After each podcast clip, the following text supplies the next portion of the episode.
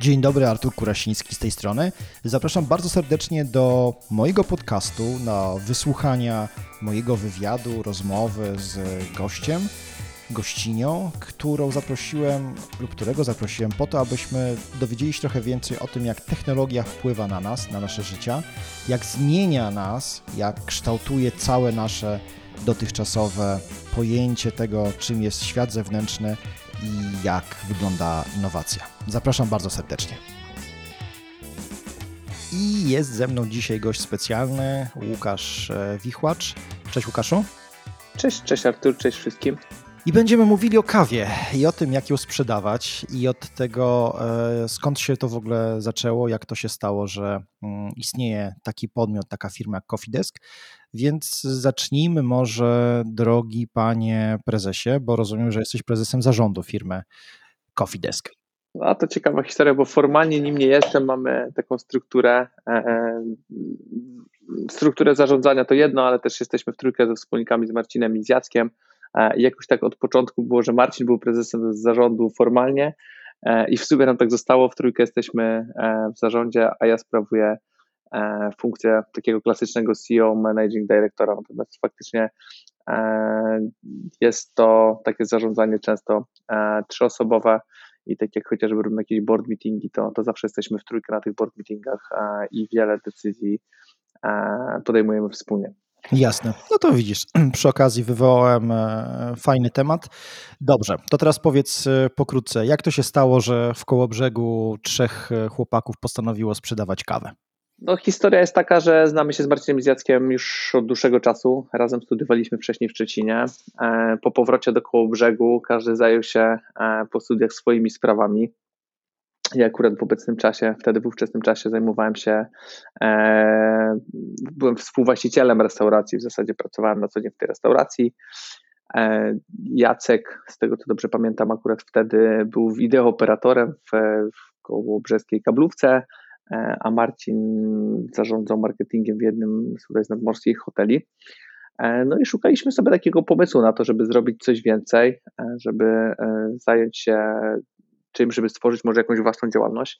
W sumie wcześniej zrobiliśmy wspólnie jedną rzecz, stwierdziliśmy, że fajnie nam się razem pracuje, że w jakiś sposób się uzupełniamy, że każdy ma e, trochę inne podejście, ale też inne, inne mocne, silne, a inne też pewnie słabe strony i jakoś ten nasz e, tutaj tercet dość fajnie funkcjonuje. Akurat rzeczą, którą wtedy zrobiliśmy, to był taki zamysł, e, żeby kupić większy kawałek ziemi rolnej, żeby później spróbować ją e, przekształcić w wydziałki budowlane, wtedy ten, ten proces był pewnie jeszcze troszeczkę łatwiejszy. E, I coś takiego zrobiliśmy swojego czasu i cała ta transakcja, cały ten proces pokazał nam właśnie, że e, dobrze nam się razem pracuje. No i siedliśmy do stołu, żeby pomyśleć, czy moglibyśmy zajmować wspólnie w przyszłości razem. Mieliśmy trochę pomysłów na, na stole. Jednym z nich była między innymi kawa. Wszystkie w zasadzie były związane jak w jakiś sposób z gastronomią, były blisko jedzenia, jako że pewnie, nie wiem, ja od zawsze e, przy tym biznesie restauracyjnym byłem, chłopaki bardzo sobie cenili zawsze dobre jedzenie i, i tak zastanawialiśmy się też nad, e, nad biznesem związanym z winem. E, jednym z pomysłów było też sprowadzanie rzeczy z Dalekiego Wschodu, chociażby składników do sushi i, i akcesoriów związanych z robieniem tego. Jednym właśnie z pomysłów była też kawa i po takiej dość krótkiej analizie rynku, tego jakie są możliwości, jak duży jest rynek, jakie są podmioty obecne na tym rynku, jak e, łatwe byłoby rozpoczęcie tego biznesu, finalnie padł na kawę. Myślę, że mogło paść wtedy na każdy, in, każdy, każdy, każdy z innych e, e, pomysłów, które mieliśmy, no, ale jak już się zajęliśmy kawą, to faktycznie się mocno wkręciliśmy i ten taki pierwotny pomysł sprowadzania kawy powiedzmy z Włoch i dystrybucji na polskim rynku, no przeistoczył się E, w coś, co mamy dzisiaj, kofideski, wszystkiego od nogi i pewnie jest zupełnie czymś innym niż sobie na początku wyobrażaliśmy. To zawsze podkreślam, powtarzam, jak ktoś się mnie pyta, jak ma jakiś pomysł, czy, czy żeby z nim wystartować, to zawsze bardzo zachęcam, bo mam wrażenie, że cała ta droga przedsiębiorcy jest taka, może być różna, może być wyboista, ale na pewno jest arcyciekawa e, i de facto tak naprawdę startując z czymś, z jakimś pomysłem, to de facto nie wiemy, gdzie będziemy za kilka lat i i fajnie spróbować tego. No dobrze, myślę, że parę osób zachęciłeś do tego, żeby zaczęli e, e, realizować swoje marzenia. Powiedz mi, w Coffee Desk powstał w, de facto w 2013 roku. Nie mieliście żadnego, żadnej strategii, nie mieliście żadnego budżetu marketingowego. E, w pierwszym miesiącu złożono zostało, złożonych zostało 19 zamówień, aż albo tylko. E, no i tak jak bo posiłkuję się wywiadem z tobą na moim blogu i aż 16 z nich było złożone przez ekipę Coffee Desk, e, waszych e, znajomych i ich rodziny, więc można powiedzieć, że start był dosyć, dosyć na skalę mikro, ale to zaczęło działać i powiedz mi, jak, jak, jak pamiętasz ten okres, co takiego się wtedy zadziało, że rozmawiamy w 2021 roku na zupełnie innym poziomie? E, to ja też może przytoczę tutaj i zrobię takie tło tej historii, że w momencie, kiedy startowaliśmy z Kofideskiem i faktycznie tak było w tym 2013 roku, chwilkę wcześniej my zajęliśmy się tym biznesem dystrybucyjnym, on nazywał się e, tutaj ukazała się nasza Coffee fantastyczna Trader? kreatywność, nazywał się nazywał się Coffee Trader, tak. Teraz e, faktycznie się trochę z tego e, czasem śmiejemy, no chyba nie można było bardziej trywialnej nazwy wymyślić. No i tym biznesem się zajmowaliśmy i na kanwie tego powstał Coffee Desk, gdzie po prostu wpadliśmy na pomysł, któregoś wieczoru wpadłem do Jacka wieczorem, akurat mieszkaliśmy wtedy wszyscy jeszcze na jednym osiedlu, e, a akurat w, w ówczesnym czasie zaopatrywaliśmy sporo e-commerce'u w Polsce, to był jeden z naszych takich głównych kanałów, który zaopatrywaliśmy, no i widzieliśmy taką szansę, że nie, nie, nie było w tym okresie jeszcze ich po pierwsze aż tak dużo, a po drugie e, mieliśmy wrażenie, że mało kto robi to w taki bardziej profesjonalny sposób, wiele z nich to było takie impre, i, może firmy robione po godzinach, czy ktoś prowadził jednoosobową działalność gospodarczą, więc widzieliśmy dużo przestrzeni na to, żeby stworzyć sklep um, stawiający na bardzo dobrą obsługę klienta, na świetne produkty e, i dostrzegliśmy taką szansę, niszę, e, żeby w tym ewoluować. Co ciekawe, na samym początku ten nasz sklep był sklepem zamkniętym, tak sobie to wymyśliliśmy, że bardziej był to taki klub zakupowy, tak myśleliśmy, że może się to sprawdzić na polskim rynku z programem lojalnościowym, zbieraniem punktów, natomiast szybko tutaj rynek zweryfikował e, nas, e, że uruchamiając coś takiego, no to trzeba mieć naprawdę duży budżet i, i duże zaplecze. My tego nie mieliśmy, ten ruch na stronie był mizerny, ludzie nie chcieli się za bardzo rejestrować, nie znając marki. Z tego szybko zrezygnowaliśmy i po prostu otworzyliśmy to dla szerszego grona. Natomiast faktycznie początki były, tak jak wspominałeś, ten pierwszy miesiąc, to gdzieś się często ta liczba tych zamówień E, przewija i te 19 zamówień to jest faktyczna liczba złożonych zamówień, ale tylko trzy zamówienia pochodziły powiedzmy z, nie, z nieznanych dla nas źródeł, co pokazuje e, jak trudne są te początki. Nie mieliśmy faktycznie kolosalnych budżetów wtedy na marketing, trochę to robiliśmy wszystko organicznie. No i tutaj e, w takim przypadku no, przydaje się na pewno cierpliwość, bo z miesiąca na miesiąc było coraz lepiej, każdy kolejny miesiąc E, był czymś więcej. Ci klienci przychodzili z różnych źródeł. Myślę, że my w tamtym okresie też e, bardzo dużo wkładaliśmy swojej pracy, swoich godzin, e, bo to była taka praca od rana do wieczora, wytężona. Było wiele pewnie też prób pozyskiwania klientów takimi, no nawet jakimiś może sposobami, kiedy nie ma się dużego budżetu, nie wiem, to pewnie stąd się gdzieś znamy, my w którymś momencie zaczęliśmy bardzo mocno jeździć na jakieś konferencje e, technologiczne, marketingowe, blogerskie z, z naszym barem kawowym i tu, tu też chyba na początku dość, e, dość mocno wygraliśmy, e, bo branża bardzo mocno nas wspierała i, i wiele różnych w zasadzie gałęzi nas wspierało i to był nasz taki dobry start, gdzie mogliśmy budować to portfolio klientów. E, no ale na początku na pewno, ja z tego co pamiętam, to w pierwszym roku e, nasz przychód był na poziomie około 200 tysięcy złotych. Przychód, wiadomo też, e, to nie jest biznes, w którym pracuje się na kolosalnych marżach, więc można sobie tylko wyobrazić, jak, jak trudne były to początki. Mieliśmy z tego co pamiętam jedną osobę zatrudnioną do, do tego konfideckowego biznesu, która de facto robiła wszystko od zakupów po wprowadzanie tych produktów, jakiś taki prosty marketing, zarządzanie stroną, i realizację tych wysyłek, czy, czy, czy customer service. Także no tak zaczynaliśmy i myślę, że to taki chyba klasyczny przykład, jak wiele e, firm zaczyna. No i pewnie jak się nie ma jakiegoś dużego budżetu czy finansowania, to tak to wygląda. Piękna opowieść. To teraz e, możemy zmienić trochę mm, klimat i pochwalić. Czy ty będziesz się chwalił, ja, ci będę tylko, ja tu będę tylko przy, przytakiwał głową. E, to jak wyglądają te przychody w 2021 roku? Tych danych pewnie jeszcze nie masz przed sobą, bo nawet ja ich nie mam przed sobą. E, jesteśmy na, końcu, na końcówce roku, ale przewidujemy faktycznie w tym roku, że przekroczymy Kofidesku 100 milionów złotych, więc patrząc z tej perspektywy, no, e, jest to duża różnica i pewnie no, my nawet na samym początku nie przypuszczaliśmy, że to może aż tak daleko zajść. Z drugiej strony pewnie jest jeszcze duże pole do, e, do popisu i jak zerkamy na, na inne fajne, duże polskie e-commerce w różnych branżach, no to widać, że w tych czasach można naprawdę zerkać w, kierunku dużo większych liczb i pewnie patrząc z tej perspektywy, e, wszystko jeszcze przed nami i, e, i mamy gdzie rosnąć. Rynek kawy jest na pewno bardzo duży. E, w Polsce rozmawiamy o rynku na poziomie około 6 miliardów złotych, mówię o samej kawie, a mamy też jeszcze pewnie herbatę z boku, akcesoria, ekspres i tak dalej, więc pewnie szybko licząc e, jest to lekko 10 miliardów złotych, mówię o samej Polsce, a zaznaczę, że działamy e, też mocno międzynarodowo, może nie w przypadku samego B2C e-commerce'u, bo to też jeszcze przed nami, e, to możemy sobie chwilkę o tym pewnie jeszcze dzisiaj porozmawiać, e, ale w przypadku B2B jesteśmy dość mocno obecni na rynkach zagranicznych i ponad połowa przychodów z tego segmentu dystrybucji z B2B pochodzi już dzisiaj z zagranicy. Więc e, no, mamy tutaj pewnie nieograniczone w zasadzie możliwości. Większość ludzi codziennie rano sięga po filiżankę kawy, musi ją w czymś zaparzyć, Także no, mamy to szczęście tutaj, że funkcjonujemy na takim fajnym, dużym i przyjemnym też rynku. No, nie musicie na pewno edukować e, swoich klientów, bo każdy kawę zna. Przynajmniej raz w życiu ją wąchał, pewnie wielokrotnie ją pił, ale jak powiedziałeś, dla Was też e, dużym e, atutem może być rozszerzenie swojej oferty na inne towarzyszące produkty właśnie kawie, czyli na przykład jakieś, jakieś rzeczy związane z samymi urządzeniami do parzenia.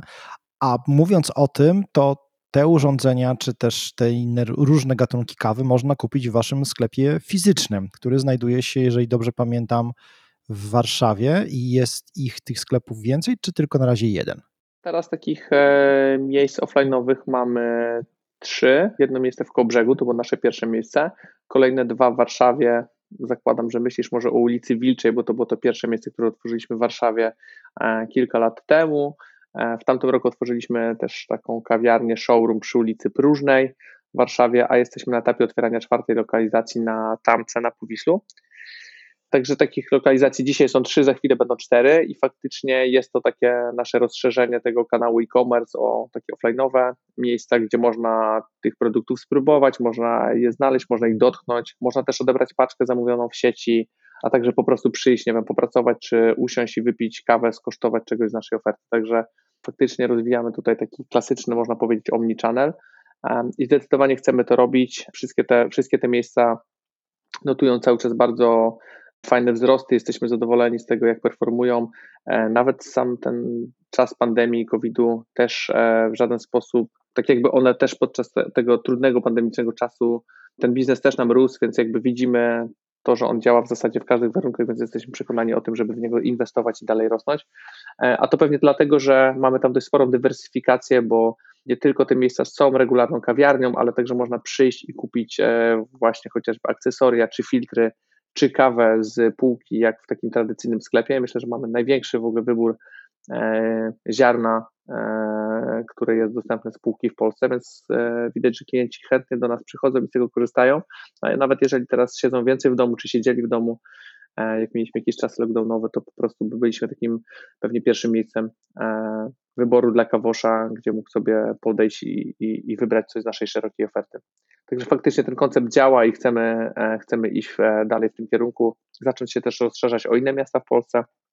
Na celowniku mamy Wrocław e, na 2022 rok i w pierwszym kwartale chcielibyśmy podjąć decyzję o lokalizacji we Wrocławiu. No to pięknie, bo widzę, że plany są, są bardzo ambitne, ale z drugiej strony bardzo też Wam na pewno wychodzi fajnie konwertowanie pojawiających się Waszych klientów e, w placówkach fizycznych. Stąd też Wasza, e, wasze przekonanie i chęć do, do ich rozbudowywania. Powiedz mi, czy w trakcie dotychczasowej, Twojej, a właściwie wręcz Waszej podróży biznesowej, powiedzieliśmy na razie o tym, że startowaliście z 200 tysięcy przychodu, teraz to jest ponad 100 milionów, więc absurdalna, wysoka niesamowita i piękna, mm, piękna kwota. E, gratulacje. Ale czy pojawiły się jakieś e, większe niepowodzenia, porażki, błędy, które popełniłeś albo popełniliście, które z perspektywy 8 lat już można powiedzieć, że prawie, że ten biznes by wywaliły? E, wiesz co, no to pewnie myślę, że życie każdego przedsiębiorcy to składa się tak jakichś codziennych sukcesów, jakichś codziennych porażek, więc e, na pewno było tego mnóstwo. E, teraz zwracając uwagę na jakieś takie kolosalne i duże, no pewnie często związane one były z ludźmi, zatrudniałem, czy zatrudnialiśmy kogoś, z kim nie mogliśmy potem rozwijać współpracy i pewnie to na początku są duże learningi, e, no bo jednak tutaj inwestujemy i dużo czasu, i dużo pieniędzy, a szczególnie jak organizacja jest mała na samym początku, to tak naprawdę każdy ten, każdy ten wybór jest ważny i myślę, że tutaj cały czas w tym kontekście HR-owym dużo się uczymy i na pewno zwracam na to bardzo uwagę. Wiesz co, myślę, że jednym z takich, z taką większych rzeczy było to, że postawiliśmy swojego czasu na własną technologię. Teraz z perspektywy czasu jako zarząd postrzegamy to jako dość duży błąd i, i pewnie dużą inwestycję, e, bo w którymś momencie straciliśmy dynamikę, straciliśmy trochę elastyczność w kontekście, mówię, rozwoju technologii, tego jak możemy się rozwijać i, i skalować. No i faktycznie w tym roku e, taka duża praca wykonana z naszej strony w kontekście wymiany platform, zarówno platformy B2C, tej dla klientów detalicznych, jak i tej E, platformy hurtowej dla klientów B2B. E, jesteśmy na etapie ukończenia e, takich procesów i w przyszłym roku mamy nadzieję cieszyć się nowymi platformami. Jednak od, od dostawców zewnętrznych, takimi też, które będziemy mogli rozwijać, skalować na kolejne rynki. Także tak jak teraz mnie ktoś pyta, czy właśnie inwestować we własną technologię, no to widzę, że jak się nie ma takiego zaplecza, nie ma się tego budżetu większego, nie ma się doświadczenia z tym, czy nie ma się know-how na pokładzie, no to myślę, że tutaj e, zdaliśmy sobie chyba sprawę, że chcieliśmy być mocno firmą dużo bardziej technologiczną, a finalnie jesteśmy tak firmą usługową, handlową, gdzie naszym zadaniem jest dostarczyć dobry towar, dobry produkt w dobrej cenie i z dobrą logistyką. E, I chyba trochę nas takie e, marzyliśmy, wiesz, żeby stworzyć jakiś doskonały produkt technologiczny, a to stało, to było bardzo trudne i, i dzisiaj pewnie do dzisiaj trochę za to płacimy cenę. Jest tego mnóstwo tak naprawdę i można od tych błędów się doszukiwać wszędzie, ale to chyba ważne jest to, żeby szybko sobie zdawać z nich sprawę, przyznawać się do błędu, wybierać inne, lepsze rozwiązanie, zapominać o tym, że zapominać mam na myśli, może nie, że zapominać o błędzie, ale przyznawać się do niego i zapominać w tym kontekście, żeby e, nie zostawać przy nim za długo. Oczywiście ta wiedza, którą wyciągamy z tych błędów jest bardzo ważna, natomiast żeby próbować swoje ego tego odciągnąć i, e, i w ten sposób zapomnieć, żeby, żeby móc iść dalej jako, jako osoba, czy jako zarząd, czy jako organizacja, e, bo łatwo tutaj myślę się można zatrzymać na tym i, i wiesz sobie zastanawiać się, dlaczego źle coś zrobiliśmy, albo dlaczego podjęliśmy taką decyzję. Więc myślę, że to jest takie ważne. Macie taką strukturę, powiedziałeś, że dosyć płaską, to znaczy we trójkę podejmujecie strategiczne decyzje. Czy to nigdy Wam nie stanowiło, czy nigdy z tego powodu nie mieliście problemu, że musicie de facto być takim trójgłowym, trójgłowym organizmem?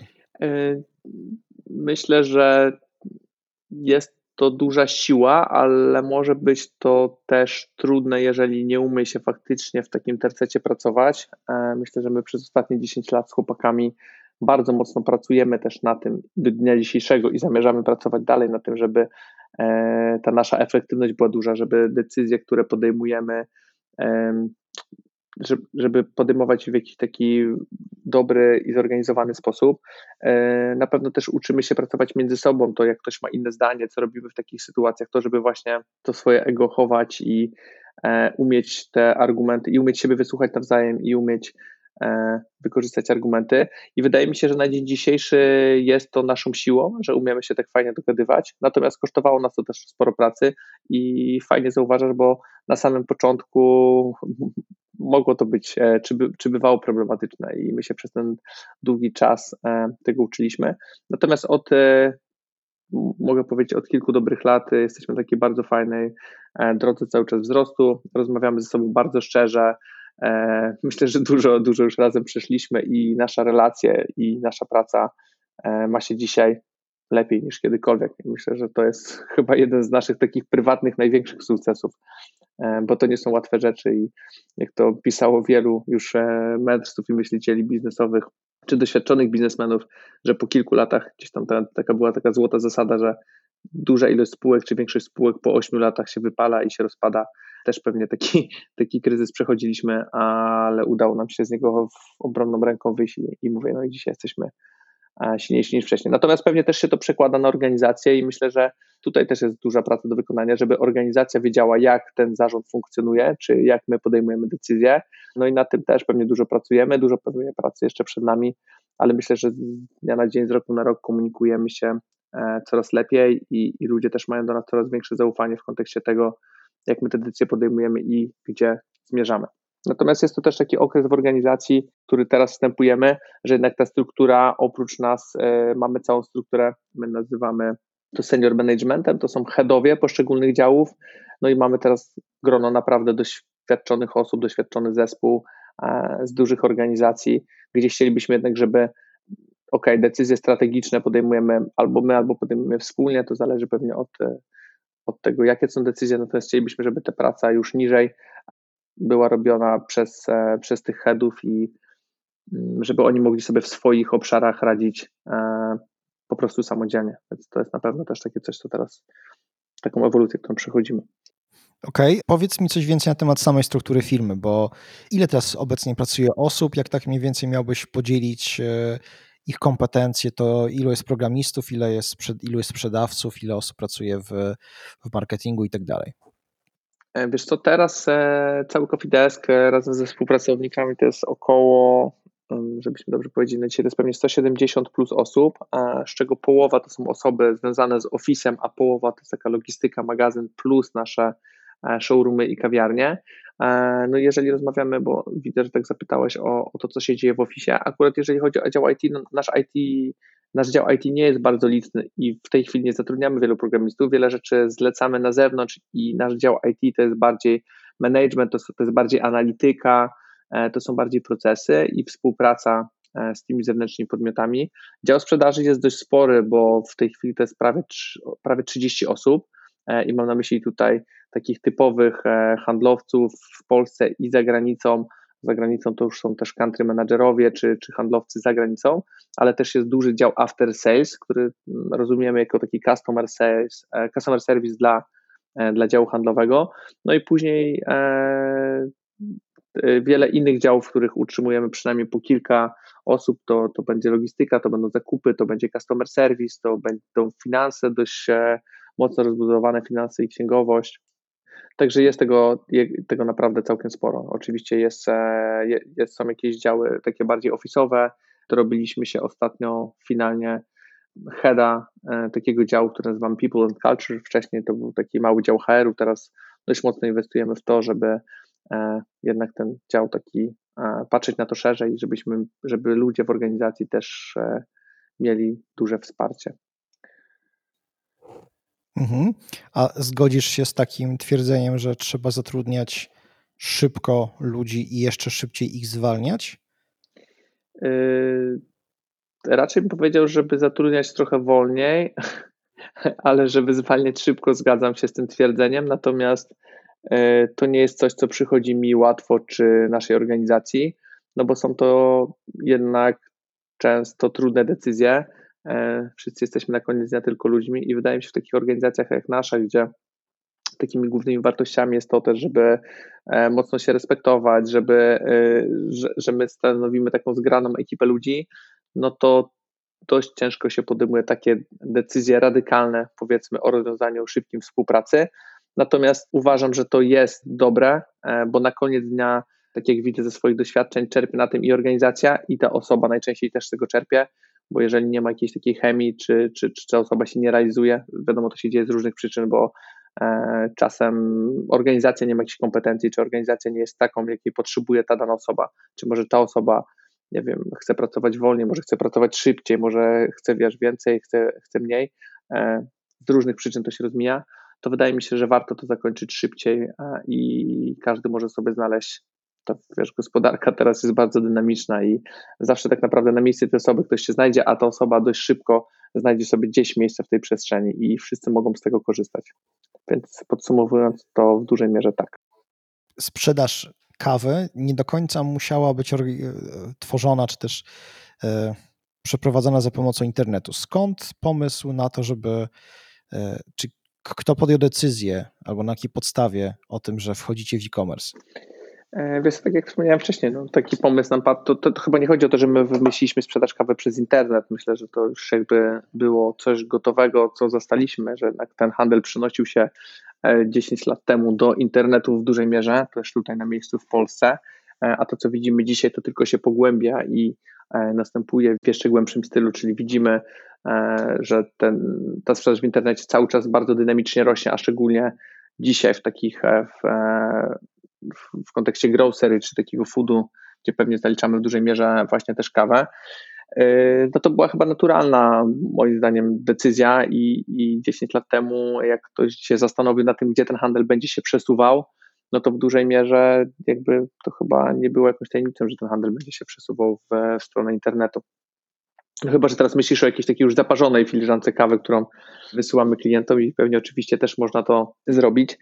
Natomiast tutaj to chyba klienci chcą cały czas korzystać z usług kawiarni, natomiast to też widać, że e, w ciekawy sposób się zmienia, szczególnie na tych rozwiniętych rynkach, gdzie w Stanach Zjednoczonych e, już dzisiaj zamówienia gdzieś tam przez aplikacje Starbucksowe, więcej jest tych zamówień składanych z góry niż tych takich na miejscu od gości wchodzących do kawiarni, więc też tutaj widzimy cały czas dużą dynamikę i ciekawe rzeczy na pewno przed nami. Jak Wam się udało, bo wrócę teraz do tej kwestii zdobywania w B2C głównie, zdobywania klientów, ich uwagi, a potem konwertowania ich na zakupy. I, y, korzystacie bardzo aktywnie z mediów społecznościowych.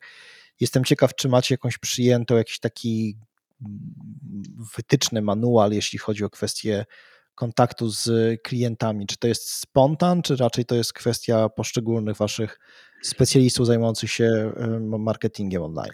Wiesz co, no tutaj patrząc z tej perspektywy, no to jesteśmy jeszcze z mojego punktu widzenia dość małą organizacją i, i e, e, no jednak zajmuje się tym powiedzmy kontaktem z klientem relatywnie mała liczba osób, więc mamy, zatrudniamy osoby, które pasują do naszej kultury, które zdajemy sobie sprawę, że będą się kontaktować w e, odpowiedni i fajny sposób z naszymi klientami, więc jednak dajemy tutaj dość dużo wolności i dużo spontaniczności i chcielibyśmy to w dużej mierze utrzymać, bo jednak trochę nas taka wizja firmy, która jest wiesz, zorganizowana od A do Z i e, podchodzi już pod taki, nie wiem, korporacyjny view czy coś takiego, no to jednak nas trochę przeraża i chcielibyśmy jak najdłużej zachować tą naszą taką e, startupową dynamikę w tym kontekście. E, stąd myślę, że jesteśmy dość mocno spontaniczni i w kontakcie z klientem i w social mediach. Oczywiście monitorujemy to wszystko i to nie jest tak, że powiedzmy, że wszystkim dajemy wolną rękę i niech każdy robi co chce, natomiast staramy się dawać jak najwięcej wolności w obszarze e, tego każdego stanowiska czy tej każdej osoby. A jeśli istnieją problemy związane z social mediami, to znaczy jeżeli zdarzają się na przykład jakieś e, wpadki, e, błędne zamówienia, problemy, generalnie rzecz biorąc, wrzućmy to pod wszystko, pod parasol takich klasycznych internetowych mm, e, problemów. Jakiego typu, jaką jesteście organizacją? Znaczy, wy się bardziej przychylacie, czy ty się bardziej przychylasz do takiego sposobu działania typu klient zawsze ma rację i po prostu niezależnie od tego, co się dzieje, wyślijmy mu dodatkową paczkę, oddajmy całe wszystkie pieniądze, tylko żeby się, broń Boże, nie zaczął tutaj mocniej rozkręcać, czy jednak uważasz, że no, przy tej skali biznesu po prostu trzeba już wdrożyć odpowiednie procedury, procesy i trzymać się ich, więc klient po prostu musi wyjaśnić, musi zawsze być też to udowodnione wszystko za pomocą jakichś dokumentów. E, wiesz co, trochę po środku, e, no bo oczywiście procesy e, no, musimy wdrażać wiele rzeczy, żeby faktycznie przy tej skali, żeby to wszystko miało rację bytu, no to oczywiście musimy działać zgodnie, zgodnie z jakimś procesem, często mamy jakieś obostrzenia procedury, jak najbardziej. Czy klient zawsze ma rację? To chcielibyśmy stawać po stronie klienta najczęściej jak to możliwe i jeśli tylko możemy stanąć po stronie klienta, to oczywiście stajemy, natomiast e, zdarza się to, że do, dochodzi do jakiejś sytuacji, w których, e, nie wiem, może ktoś chce może powstać jakieś nadużycie. Więc ja tutaj jestem bliski te, tego, żeby trzymać się po prostu prawdy, trzymać się racji. Jeżeli możemy zrobić coś dla klienta, to zawsze to robimy. Natomiast no oczywiście nie wiem, czy takie podejście, że tak jak powiedziałeś, oczywiście bierzemy to w cudzysłów, że klient ma zawsze rację, to, to nie wiem, czy to jest dobra droga. No, wydaje mi się, że po prostu powinniśmy być zawsze fair, być w porządku jeżeli jest to możliwe, nie wiem, tak jak mówisz, no jeżeli jest jakaś pomyłka w zamówieniu, to przecież nie ma problemu to, żeby to załatwić, żeby dosłać coś, żeby jeszcze raz e, podesłać coś klientowi, jak najbardziej. Natomiast no pewnie sporadycznie zdarzają się przypadki takie, gdzie ktoś, klienci chcą czegoś nadużyć, no i wtedy myślę, że to też nie jest ścieżką, żeby e, na wszystko to reagować i stawać po stronie klienta, jeżeli za tym nie ma żadnej logiki, czy jeżeli przekraczamy jakieś granice. A ile, powiedz mi, ruchu obecnie generuje Wam Polska? Jaka tu jest, e, mówię o procentach, nie chodzi mi o podawanie konkretnych e, liczb. Jakiego typu sprzedaż e, w Polsce macie w stosunku do innych, do innych rynków? Wiesz co, jeżeli chodzi o B2C, to znakomitą większość generujemy w Polsce, bo w tej chwili tak naprawdę głównie na polskim rynku jesteśmy aktywni. Prowadzimy coffeedesk.com, wersji anglojęzycznej, e, natomiast jest to na dzień dzisiejszy kilka procent naszego ruchu i zarazem przychodu, jeżeli chodzi o B2C. Natomiast chcielibyśmy bardzo w następnych latach zacząć działać na innych rynkach zagranicznych, ale to już w taki zorganizowany i profesjonalny sposób w kontekście też wersji językowych, dostosowania płatności, dostosowania logistyki czy customer serwisu. E, stąd też e, właśnie duże inwestycje w technologię i inwestycje w nowoczesne narzędzia, które pozwolą nam się skalować i działać na tych rynkach. Natomiast jeżeli chodzi o rynek B2B, który e, de facto jest naszą większą nogą e, do dnia dzisiejszego, no to faktycznie na tym rynku e, ponad połowę, tak jak wspomniałem wcześniej, przychodów generujemy z rynków zagranicznych. Bardzo jesteśmy tutaj silni na rynkach tych środkowoeuropejskich, mam na myśli Czechy, Słowacja, kraje bałtyckie, Rumunia, Węgry ale dość mocno w ostatnich czasach też zaczęliśmy działać na rynkach skandynawskich, chociażby e, no i rynki zachodnie, Niemcy, Holandia, Belgia, z racji tego chociażby, że są e, dużymi rynkami, no to faktycznie tam też e, sporo wolumenu robimy. Zależy to tak naprawdę od produktów, które w przypadku B2B tej dystrybucji możemy sprzedawać na poszczególnych rynkach, bo ten rynek jakby ta kategoria B2B rządzi się troszeczkę innymi prawami niż B2C, gdzie powiedzmy możemy sprzedawać wszystko wszędzie, e, tak upraszczając trochę temat, a jednak w przypadku dystrybucji, no to w zależności od tego, z jakim producentem, z jakim dostawcą, jakie mamy wynegocjowane warunki, to już na tym rozwijamy ten biznes. Natomiast no tutaj dostrzegamy cały czas ogromny potencjał, no patrząc chociażby tutaj w lewą stronę na mapie, no rynek niemiecki jest rynkiem ogromnym i to te wolumeny, które tam są,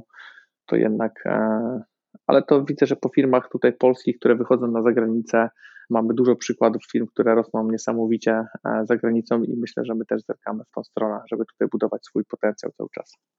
Pytam się o tą e, lokalizację i klientów, dlatego że e, jestem ciekaw, jak oceniasz klientów z Polski versus klientów zagranicznych. Czy widzisz jakąś wyróżniającą się cechę albo cechy? Masz na, myśl, masz na myśli klienta B2C? Tak, Wiesz co, to, no, to, to oczywiście my, my, pewnie nie mamy jeszcze takiego dużego doświadczenia, więc pewnie nie wiem, czy jestem najlepszą osobą z tym pytaniem. Natomiast oczywiście widać to, że na przykład, nie wiem, patrzymy na rynek skandynawski i zamówienia z rynku skandynawskiego i nie wiem, powiedzmy, że e, my, my handlujemy produktami premium, takimi bardzo, bardzo wysokiej jakości.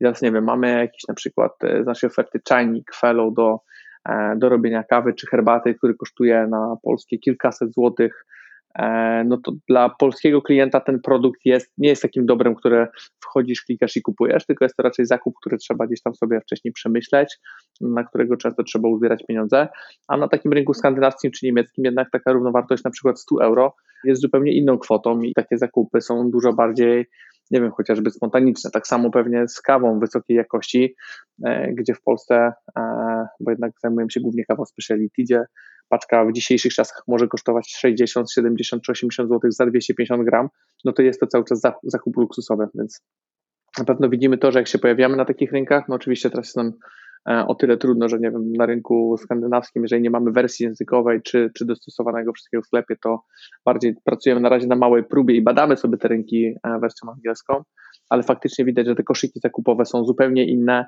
e, inaczej są podejmowane decyzje, więc tak, tutaj dostrzegamy E, dużą różnicę. Tak samo rynek niemiecki, który wyróżnia się tym, że chyba jest najsilniejszym w zasadzie rynkiem, jeżeli chodzi o kawę e, taką pod espresso, czyli bardziej kilogramowe opakowania. Jest bardzo duże nasycenie tego rynku, a bardzo duża dojrzałość. ogromna ilość maszyn w niemieckich domach w kontekście takich ekspresów automatycznych. No i niesamowite ilości, niesamowite liczby, które no na pewno na które mamy w jakiś sposób chrapkę i chcielibyśmy się zerkać i rozwijać na tych rynkach. Zapytam Cię o kwestię teraz związaną z bardziej z finansami i tym, jak rozwijaliście spółkę, bo jeżeli dobrze rozumiem, nie mieliście żadnego inwestora, nie mieliście żadnego, nie braliście kasy od banku, od y, funduszy inwestycyjnych. E, nie mieliśmy żadnego inwestora w zasadzie od początku. E, pojawiały się takie drobne inwestycje, ale bardziej z takiego grona Family and Friends e, na samym początku. Natomiast to były jakieś tam szczątkowe udziały, więc faktycznie rozwijaliśmy się ze środków własnych. Plus de facto, co pewnie nie jest popularne w polskim środowisku startupowym aż tak bardzo, czy może nie dotyczy wszystkich firm. Od pierwszego roku w zasadzie, czy od drugiego byliśmy rentowni co roku, więc de facto rozwijaliśmy firmę z zysków, których po prostu nie wypłacaliśmy. I za tym inwestorem przez jakiś czas się rozglądaliśmy, nie mogliśmy znaleźć dobrego, dobrego fitu, nic, nic fajnego się nie udało e, zamknąć. Dodatkowymi formami finansowymi, takimi, na które się zdecydowaliśmy, to w tamtym roku zrobiliśmy pierwszą rudę crowdfundingową, e, którą zakończyliśmy z sukcesem. To nam dołożyło trochę takiego paliwa, można powiedzieć. E, i faktycznie tamten rok zakończył się dla nas e, bardzo dobrze, doinwestowaliśmy e, wiele kanałów i faktycznie pozwolił nam to się rozwijać szybciej. A też zahaczyłeś o banki, to jeżeli chodzi o banki, to od początku rozwijaliśmy się właśnie wraz z kredytami bankowymi, czy to inwestycyjnymi, czy to obrotowymi, które braliśmy na towar, więc tutaj w tym przypadku to zdecydowanie tak. Jakby nie rozwadnialiśmy udziałów, ale korzystaliśmy z usług banków. No i dzisiaj jesteśmy podczas drugiej E, zbiórki crowdfundingowej. Tak nam się to spodobało. E, dostrzegliśmy też dużo potencjału w tym. E, ci inwestorzy, którzy, drobni inwestorzy, zresztą różni inwestorzy, bo są też i mniejsi, i więksi, którzy okazują się super pomocni, którzy bardzo fajnie dopingują mi spółkę i, i potrafią, nie wiem, pomóc coś załatwić, są naturalnymi ambasadorami marki. Zdecydowała nam się, spodobała nam się ta forma. Zdecydowaliśmy się na odpalenie drugiej rundy i w tym roku staramy się zebrać ponad 4 miliony. E, jesteśmy na ukończeniu, mamy dzisiaj praktycznie 2 miliony. E, no i mamy nadzieję zakończyć ją, jeżeli nie całą, to, to w dużej części.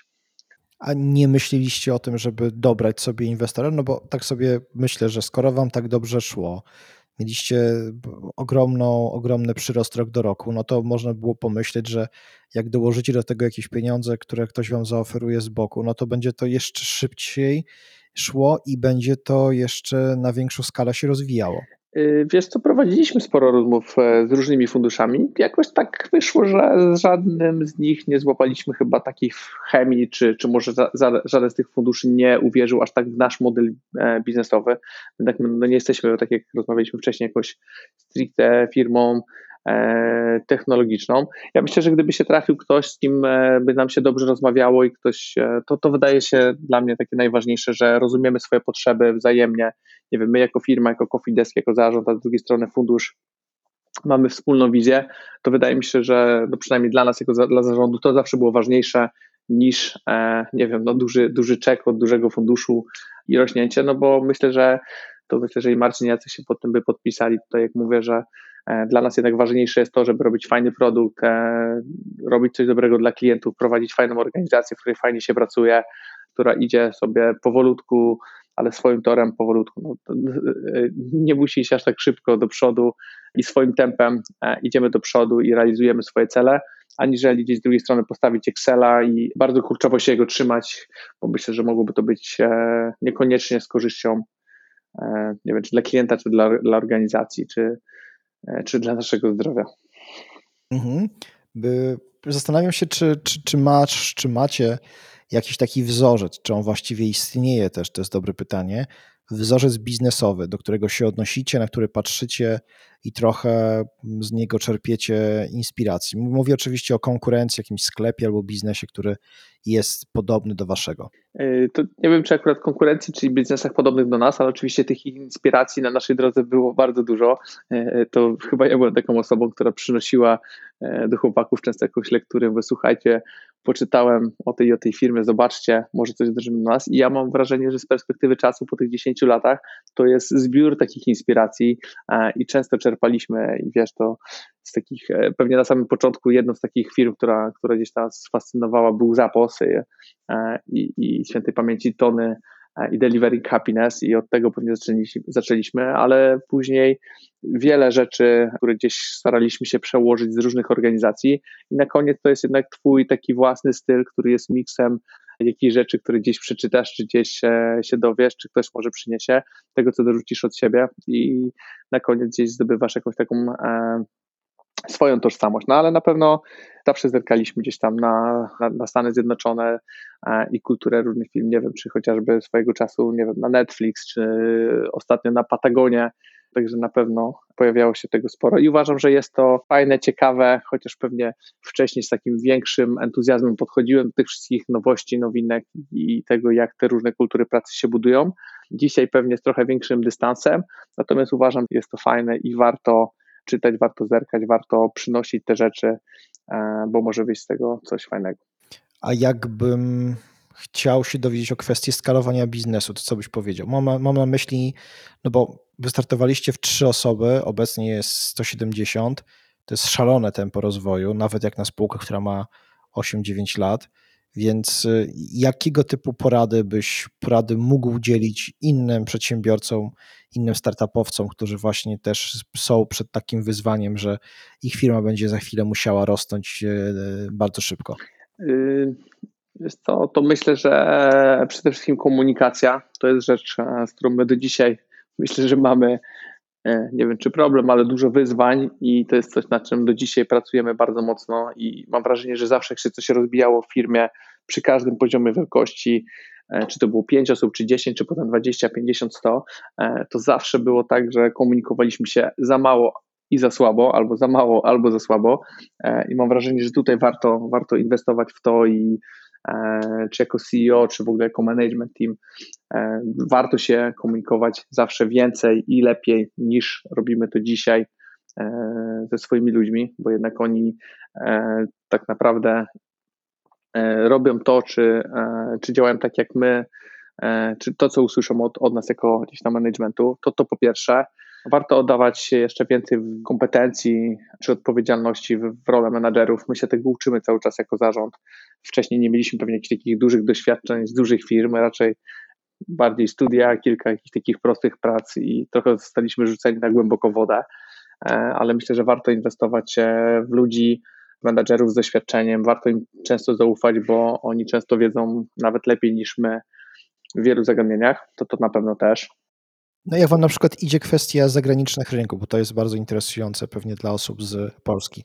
Jak, jak wam się udaje wejść, e, nie wiem, przekonać ludzi do tego, żeby pracowali z wami jako country managerowie? E, wiesz co, to potrzymamy się może tego akurat rynku B2B, na którym jesteśmy obecnie, o którym pewnie mogę powiedzieć najwięcej, a B2C jest przed, B2C jest przed nami. Jeżeli chodzi o country managerów, no w tej chwili tak naprawdę jak ich przekonujemy do siebie. Co, no, akurat w przypadku e, tutaj tych e, rzeczy, które robiliśmy na dzisiaj, no to korzystaliśmy z usług firm zewnętrznych e, w pierwszej kolejności, czyli wiem, wchodziliśmy na przykład na rynek rumuński bardziej, bo tam wynegocjowaliśmy sporo dystrybucji i potrzebowaliśmy kogoś, kto będzie na miejscu. Widzieliśmy taką potrzebę i faktycznie to się fajnie sprawdza, bo jednak mamy osobę, która mówi w ojczystym języku, jest na miejscu, może podjechać na każdy event, na każdą, nie wiem, na każde targi, do każdego klienta i faktycznie już dzisiaj dostrzegamy e, bardzo fajną, bardzo fajną z tego zwrotkę i na pewno będziemy w to inwestować. A faktycznie skorzystaliśmy z usług firmy zewnętrznej, która nam znalazła x kandydatów. Akurat e, w tym przypadku mój wspólnik Jacek e, udał się z szefem sprzedaży tam na kilka dni, spotkali się z określoną listą, liczbą kandydatów, zobaczyli wszystkich kandydatów na żywo, podjęli decyzję i myślę, że akurat bardzo fajnie to działa i dzisiaj po de facto kilku miesiącach widzimy fajne rezultaty tej osoby, która jest na miejscu. A jeżeli chodzi o rozwój rynków zagranicznych, e, wiesz co, myślę, że bardzo dużo, akurat w przypadku B2B, bo mówimy, na tym rynku się poszukamy, to jest rynek jednak większych transakcji, to, to nie jest masowa skala transakcji na każdym rynku, tylko raczej umiejętność dobrania dobrych partnerów na poszczególnych rynkach. E, wiadomo, że dzisiaj nie jest to proste, ale wcześniej jak to robiliśmy, to bardzo często jeździliśmy na, nie wiem, lokalne, krajowe e, chociażby eventy, patrzyliśmy, co tam się dzieje na tym rynku, staraliśmy się zagłębić, trochę poczuć tą perspektywę lokalnych rynków e, i, i do tego zawsze zachęcam, czyli nie wiem, jeżeli wchodzimy na rynek czeski, jest to rynek B2B, szukamy tam dystrybutorów, szukamy, nie wiem, większych, w naszym przypadku kawiarni, sieci kawiarni, to po prostu trzeba wsiąść w samochód, samolot, pojechać, nie wiem, do Pragi, do innych dużych miast, rozejrzeć się i poczuć samemu, jak wygląda ten rynek. To zawsze nam dawało najwięcej. E, no i to tego potem staramy się uczyć naszych ludzi, żeby postępowali w podobny sposób. Tak jak teraz mamy szefa sprzedaży, to zawsze zachęcamy go, żeby i widzę, że on to aktywnie robi, przynosi mu to fajne rezultaty, czyli jak nie wiem, musi coś zrobić na rynku duńskim, to udaje się tam na kilka dni i wtedy ma dużo lepszą perspektywę, dużo, dużo łatwiej się się. E, akurat ten rynek B2B też jest dość mocno relacyjny.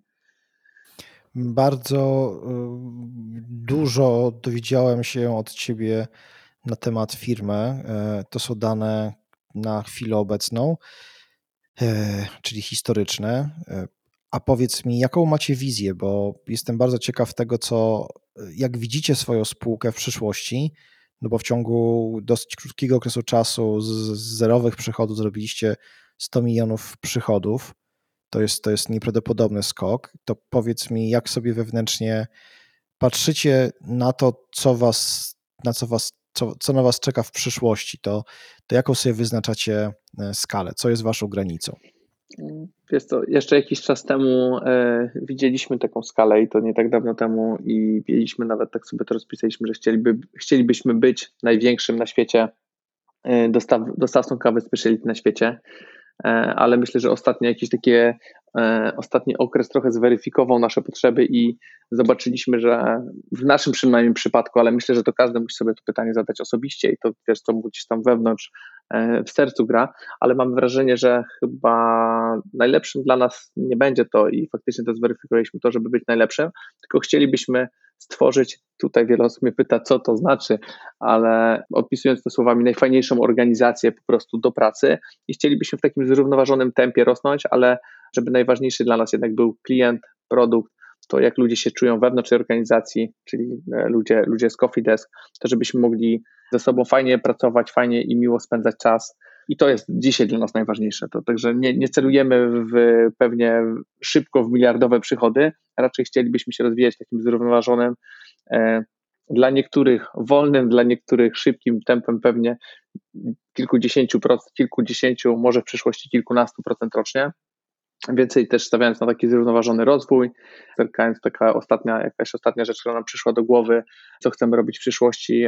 Założyliśmy fundację All Good, E, gdzie chcielibyśmy w jakiś taki głębszy sposób spojrzeć też na to, co się dzieje w świecie kawy, speciality, e, jak, e, jak chociażby wynagradzani są farmerzy na farmach, więc trochę zająć się takimi rzeczami, może nie stricte związanymi z naszym biznesem, ale takimi, które mogą dać więcej dla całej tej kawowej społeczności. Więc taki, jak mnie dzisiaj pytasz, to, to jest to, co nam siedzi w głowie. Super, czyli macie Macie bardzo dobrą wizję, na pewno macie tą wizję przemyślaną, tego, w którą stronę chcecie pójść. E, no, gratuluję przede wszystkim tego, że e, jesteście odważni w myśleniu o tym, że tak naprawdę nie musicie robić bardzo dużych rzeczy, bo to jest obecnie chyba w, w naszych czasach bardzo e, rzadko spotykane. Jak zazwyczaj zadaję to pytanie młodym przedsiębiorcom, to podają mi e, właśnie takie cele typu być takim jak Amazon albo zbudować taką platformę jak e, Facebook. To jest miłe, tylko pewnie jest to jednak bardzo mało prawdopodobne, patrząc typowo już chociażby po, po statystyce, ze względu na statystykę. Mm, a zadam Ci ostatnie pytanie, związane również oczywiście z tym, o czym rozmawiamy co by było inaczej? Czy widzisz się albo jak sądzisz, że jak inaczej mogłaby się potoczyć twoja ta kariera e, zawodowa, jeśli na przykład jednak byś z chłopakami się nie spotkał, nie podjęlibyście decyzji o tym, że robicie coffee tradera i potem by nie powstał coffee desk, to, to kim Łukasz Wichłacz mógłby być obecnie? E, fajne, fajne pytanie. E, wiesz co, myślę, że robiłbym coś podobnego do tego, co robię dzisiaj, no bo jednak e, dla mnie, jako dla Łukasza Wichłacza, jest to najważniejsze jest to, żeby codziennie mieć jakieś wyzwania i też ja bardzo lubię pracować z ludźmi i dla mnie chyba największym szczęściem zawsze jest to, jak, nie wiem, chociażby pracuję ze, swoje, ze swoim managementem i gdzieś, nie wiem, mo, możemy razem coś pomyśleć, czy ja mogę im wskazać jakąś ścieżkę i, i zobaczyć, że oni w jakiś fajny sposób się rozwijają, to to dla mnie zawsze jest najfajniejsze i gdzieś tam też po godzinach czasem robię jakieś takie projekty konsultingowe i widzę, że to mi E, daje dużo radości, więc zakładam, że jeżeli to by nie była kawa z chłopakami, to pewnie albo zrobimy coś sam, albo zrobimy to z kimś, coś z kimś innym. E, też mi dużo, dużo radości mi przysparzają takie produkty wysokiej jakości, tak jak chociażby sprzedajemy kawę ale równie dobrze pewnie mógłbym sprzedawać wino naturalne, e, nie wiem, czy, czy piwo kraftowe, czy może dobrej jakości delikatesy. Pewnie tak jestem od dzieciaka wychowany. Akurat moi rodzice prowadzili restaurację, jakoś miałem w te meandry dobrego dobrego jakościowego jedzenia wprowadzili, to mi zostało, no i teraz e, tego się mocno trzymam, więc jak ktoś jedzie ze mną na wakacje, to musi wiedzieć, że e, będziemy nie chodzić od zabytku do zabytku, tylko od e, jednego jedzeniowego miejsca do drugiego i tak pewnie najczęściej wygląda moje życie i to jest chyba dla mnie, wiesz, najważniejsze. Więc chyba gdzieś tutaj w tych obszarach cały czas. No i myślę, że doskonale E, wiesz, co chcesz osiągnąć w życiu, e, gdzie chcesz, aby ci zaprowadziły te biznesowe ścieżki, bo, bo to w tym, co mówiliśmy, o czym opowiadałeś dzisiaj, bardzo dobrze wybrzmiało. Mm, tak jak powiedziałem, to było moje ostatnie pytanie, więc bardzo serdecznie Ci dziękuję i ponownie gratuluję tego etapu, na którym jesteś, czy jesteście e, w Coffee Desku. Zbieracie cały czas kasę, myślę, że bez większego problemu dojedziecie do maksimum, jeśli chodzi o E, equity crowdfunding, bo, bo po prostu chyba byłoby głupotą nie zainwestować w waszą spółkę, szczególnie, że rozwija się ona tak dynamicznie. E, no i myślę, że mm, spotkajmy się za jakiś czas i zobaczymy, co będziemy, o czym będziemy mówili na przykład za dwa albo trzy lata, kiedy, kiedy spotkamy się ponownie i wtedy będziemy mogli trochę zweryfikować tych planów, o których e, nam dzisiaj opowiedziałeś. Super, dziękuję Ci bardzo Artur za te wszystkie miłe słowa i miłą rozmowę i jasne, spotkajmy się, pogadajmy, bo tak jak widzisz, to wszystko e, dynamicznie ewoluuje. E, no i z niedawnego bycia numerem jeden w kontekście sprzedaży, dzisiaj chcielibyśmy być numerem jeden w kontekście, nie wiem, fajnego miejsca pracy i, e, i czegoś dla, dla świata kawowego. Więc tak, dzięki bardzo za dzisiejszą rozmowę tego Ci życzę, tego Wam życzę, żeby się to właśnie wszystko udało ziściło. Super. Moim i Waszym gościem był dzisiaj Łukasz Wichłacz, osoba stojąca jako jeden z trzech e, współzałożycieli i osób decyzyjnych w Coffee Desku. E, jeśli chcecie czegoś więcej się dowiedzieć o biznesie Łukasza, to zerknijcie na stronę coffeedesk.pl, tam pewnie będziecie mieli mnóstwo informacji. E, no i tyle. Słuchajcie również moich e, innych wywiadów z innymi przedsiębiorcami i przedsiębiorczyniami, bo myślę, że warto jest, abyście e, zgromadzili trochę więcej informacji na temat różnych rzeczy, którymi ja się między innymi interesuję i o których opowiadają moi, moi rozmówcy. Także dziękuję Wam serdecznie za uwagę i do usłyszenia w innym, kolejnym odcinku. Dzięki bardzo.